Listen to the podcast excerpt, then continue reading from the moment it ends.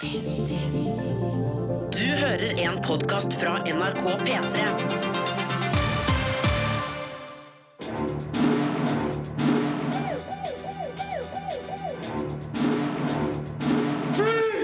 Filmpolitiet! What's your name, dude? Birger Vestmo. What kind of stupid name is that? Annabelle 2 er en effektiv skremmer med et intenst tempo og mange ekle jump scares. Prebz og Dennis The Movie er en samling banale sketsjer og kjedelige påfunn som du like gjerne kan se gratis på YouTube. Og Loch Ness er tam britisk seriemorderkrim i naturskjønne omgivelser. Det er det du har i vente i løpet av den nærmeste timen her på P3.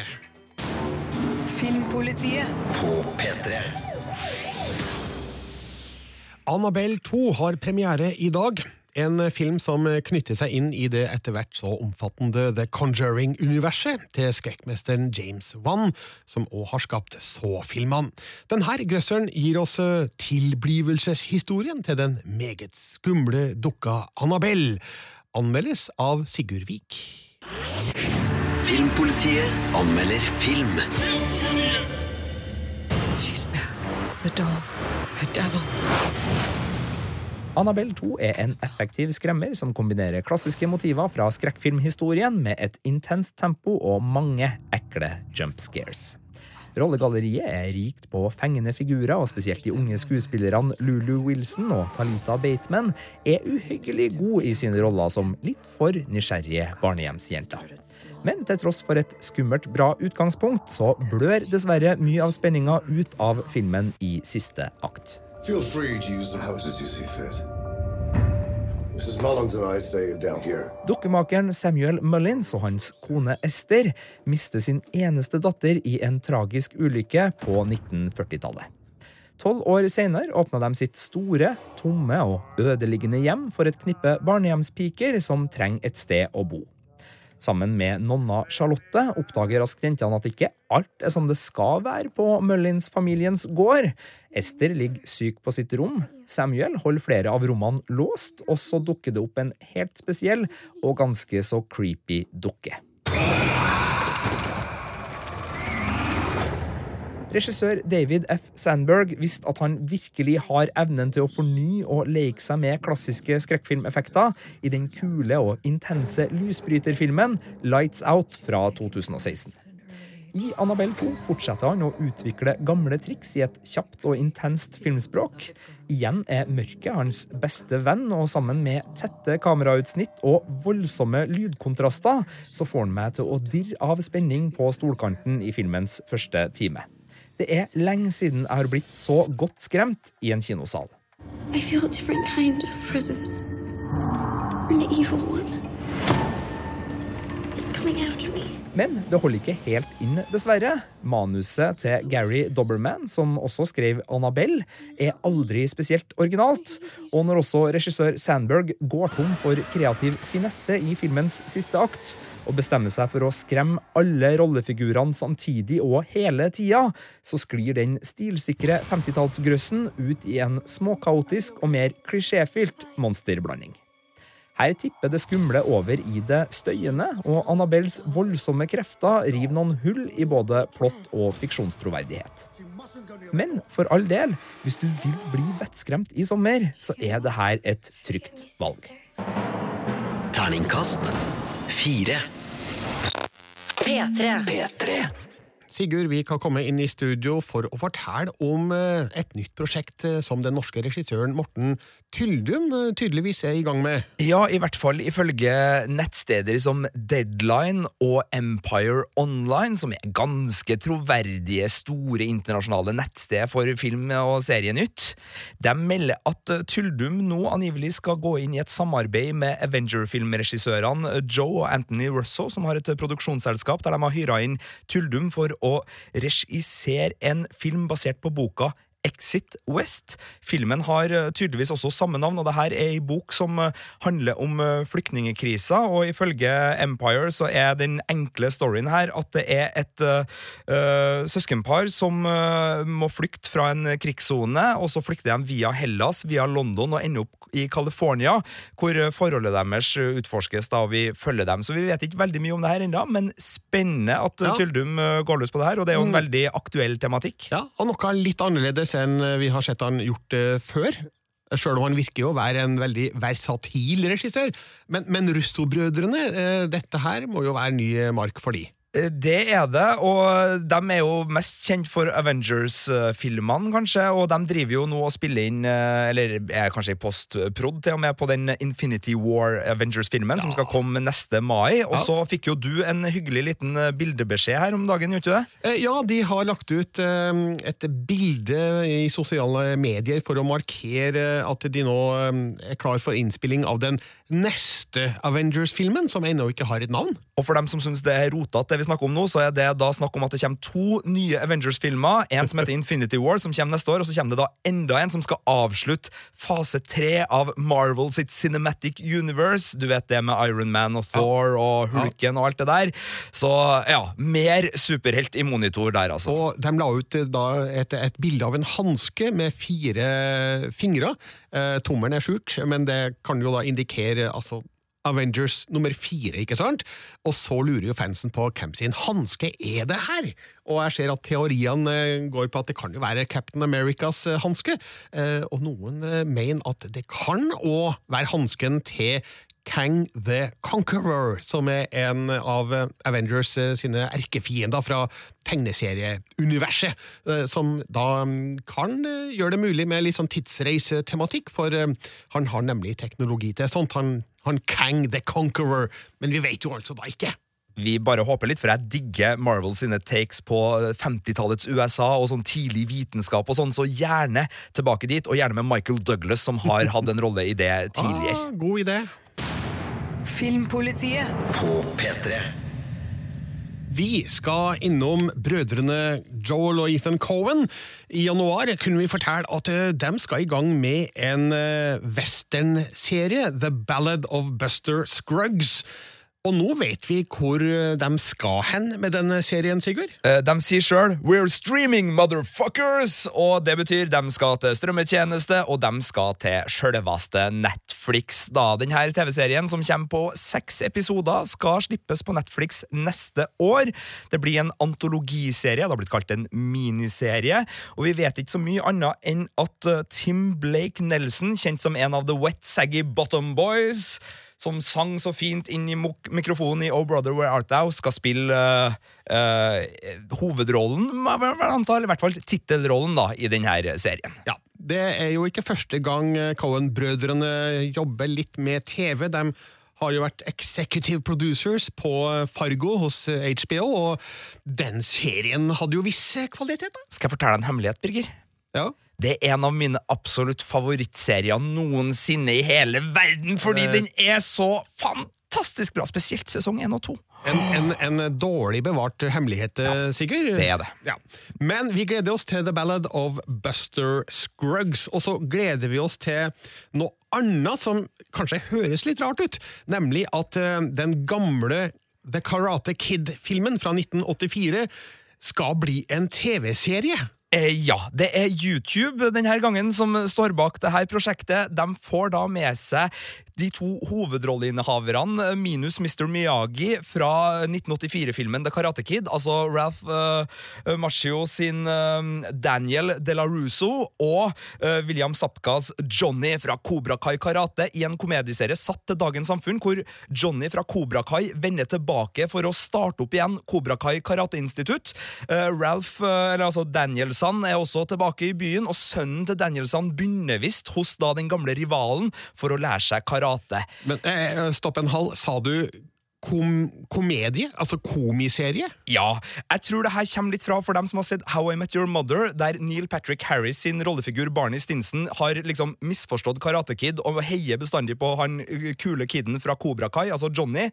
Han har jo fått med både William Sapka og Ralph uh, Maggio uh, inn i How I Met Your Mother, jeg tror det er det som har trigga det her. Det er i hvert fall en mistanke jeg har. Uh, og det er jo en komedie, og de spiller da videre på det litt sånn her komiske rivaleriet, og kanskje en litt sånn 80-tallsspoof på det litt harrige og overdramatiske kranglinga mellom de to unge karatekjemperne. Eh, har du troa, Birger? Ja, Litt sånn avventende, føler jeg, fordi eh, man skal da kødde med en eh, 80-tallsklassiker her, altså, men kanskje tåler vi det? Vi får se. P3. Filmpolitiet anmelder film. Vet ikke hvem jeg er, da? Er Dennis. Ja. Verdens største YouTube-kanal. Verdens største YouTube-kanal. Men verdens største? Mm. Okay. Prebz og Dennis. Ok. De er kanskje store på YouTube, men blir for små på kino. Prebz og Dennis The Movie er ikke annet enn en samling banale sketsjer og kjedelige påfunn, som kanskje ville ha fungert sånn passe i kort format på skjerm, men som mangler appell og underholdningsverdi på det store lerretet. Hovedpersonene seiler riktignok på den samme sjarmen og humoren som har gjort dem store på nett, men det er ikke nok til å gjøre Prebz og Dennis The Movie til mer enn stusselig underholdning som bare deres mest trofaste tilhengere vil sette pris på. Har du lyst til å gå på date med meg? Nei takk. Nei, ok. Ja vel. Filmen har en episodisk struktur uten en rød tråd. Det handler annet litt om guttas bakgrunn, litt om at Dennis prøver å få seg dame, litt om Prebens vekttap, og litt om at Dennis ikke kan kjøre bil. De fleste sekvensene virker åpenbart planlagte og mangler spontanitet. Et eksempel er når Dennis går på date og får dialog fra sine kolleger på øret, en utbrukt idé som annet Thomas og Harald gjorde i Senkveld for 100 år siden.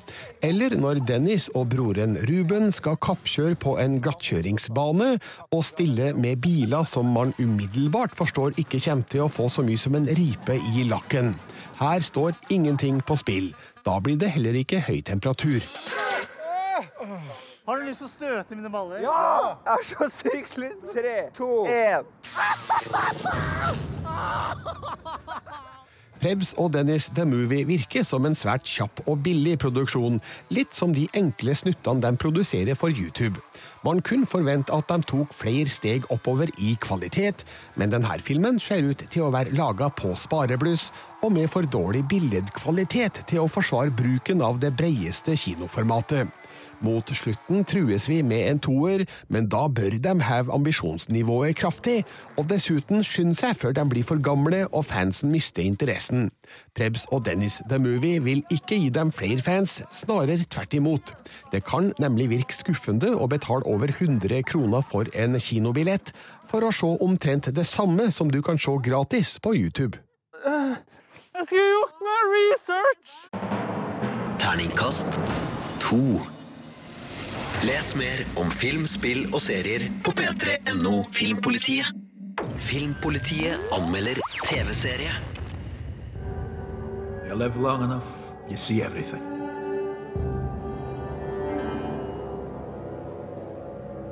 You will catch him, won't you? If they give me the chance.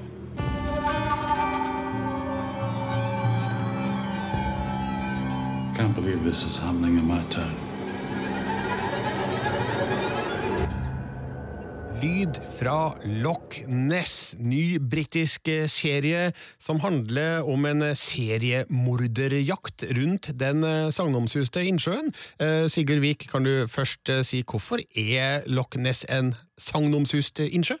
Angivelig, Birger Vestmo, så skal det finnes et monster på bunnen av Loch Ness med det litt koselige navnet Nessie. Ja, Ja. Det høres ut som et sånn kosedyr. Jeg tror, ja, og det er det jo for mange. altså Absolutt et av de mer tillitsvekkende og joviale monstrene der ute. Kanskje sammen med den avskyelige Snømannen eller Yetien, som også virker som en litt sånn trivelig type. Men spoiler alert, det her handler da ikke om at Nessie er seriemorder. Det er en annen mystisk seriemorder som er på ferde i Loch Ness. Ok, Kort om handlinga. Hva foregår her? Eh, Det er da en uh, liten landsby, fiktiv landsby, som heter så mye som Loch Nafoy, eh, som, der det er lokalt politi, de driver med curling, de henger på puben, og så er det noen unger som driver og lager eh, en sånn her morogreie på stranda, der de lager et sånt skjelett som skal angivelig være Nessie, der de finner litt særdeler, litt eh, hest, litt forskjellig sånn, men så dukker det plutselig opp et menneskehjerte blant alle kadavrene, og når i tillegg en angivelig turist, nei, en angivelig uh, turgåer uh, finnes død, og de oppdager at det mangler litt hjerne, altså noen har tatt ut litt av hjernen hans, så skjønner de at det er en seriemorder av den groteske sorten som er på ferde i landsbyen. Uh, Sigurd, britisk krim er jo en sjanger med rike tradisjoner. Hvordan eh, kommer Loch Ness inn her? Eh, Jeg var veldig gira på denne serien, fordi den har så mange av de gode ingrediensene man kjenner i kvalitetsbiten av britisk krim. Den har den sagnomsøste innsjøen, den har spennende monstermytologi, den har en landsby full av hemmeligheter, og da en grotesk seriemorder. Dessverre, kan en si, så blir ikke det her like godt som det kanskje Broadchurch var på miljøskildringa, det Sherlock er på morderjakt, det Top of the Lake er på stemning. Altså, det er veldig fint her. De bruker den skotske høylandet og, og innsjøen veldig vakkert, men uh, skuespillet og handlinga er litt mer sånn 90-tallsk britisk dramakrim fra britisk landsbygd uh, enn uh, de her absolutte kvalitetsseriene. Altså, den har på ei side veldig mye stemningsfullt og vakkert, som gjør det til en veldig fin serie å se på, men jeg blir ikke fenga av det der mordmysteriet, sånn at det kribler i magen min, sånn som man virkelig vil at det skal gjøre det når man hele tida driver og Å, kan det være dem? Kan det være dem?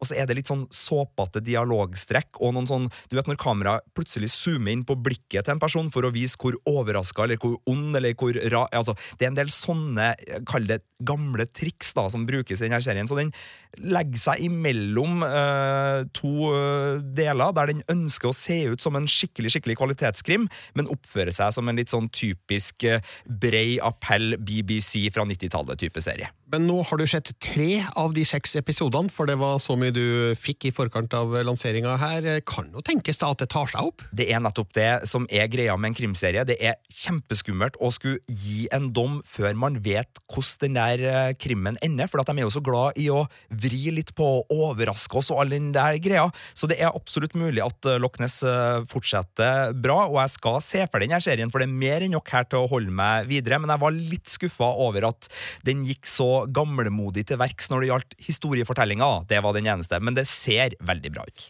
Eh, Hvis man da får lyst til å sjekke ut eh, Loch Ness, hvor og når? Det er på TV2 på mandagskvelden 21.40, så vidt jeg husker, men man kan også da se det på TV2 Sumo, strømmetjenesten, fra mandag. Og er du krimglad, så er det her absolutt noe å anbefale, altså. Og Sigurd, du har gitt følgende karakter. Terningkast fire. I dagens eh, sending har du hørt anmeldelsene av premierefilmene Annabelle 2 og Prebz og Dennis eh, The Movie. Går du på p3.no Filmpolitiet, finner du også anmeldelsene av Vår vingård i Bourgogne og Hjemme i Hampstead, som da også har eh, premiere i dag. Filmpolitiet Med Birger Vestmo. NRK. NRK. P3. Du finner flere podkaster på p3.no podkast.